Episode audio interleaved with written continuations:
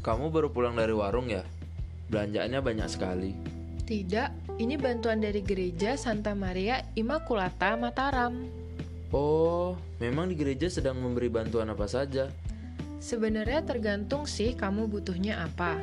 Mereka biasanya menargetkan masyarakat yang kayak aku, pendatang yang terkena PHK karena pandemi COVID. Aku tidak terdaftar sebagai warga di sini, jadi aku tidak mendapat bantuan dari pemerintah. Oh, begitu ya. Kalau aku mau ikut berdonasi bagaimana caranya? Sebenarnya bantuan mereka datang dari berbagai pihak.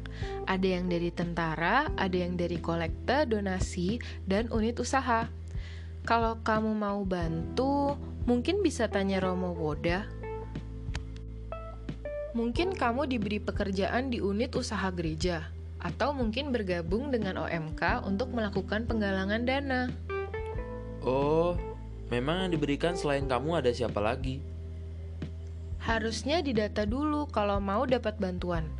Untuk sekarang, gereja sedang membantu masyarakat yang terdampak pandemi, pendidikan sekolah Katolik dan kejurusan, serta staf gereja, karena gaji mereka kan dari kolekte.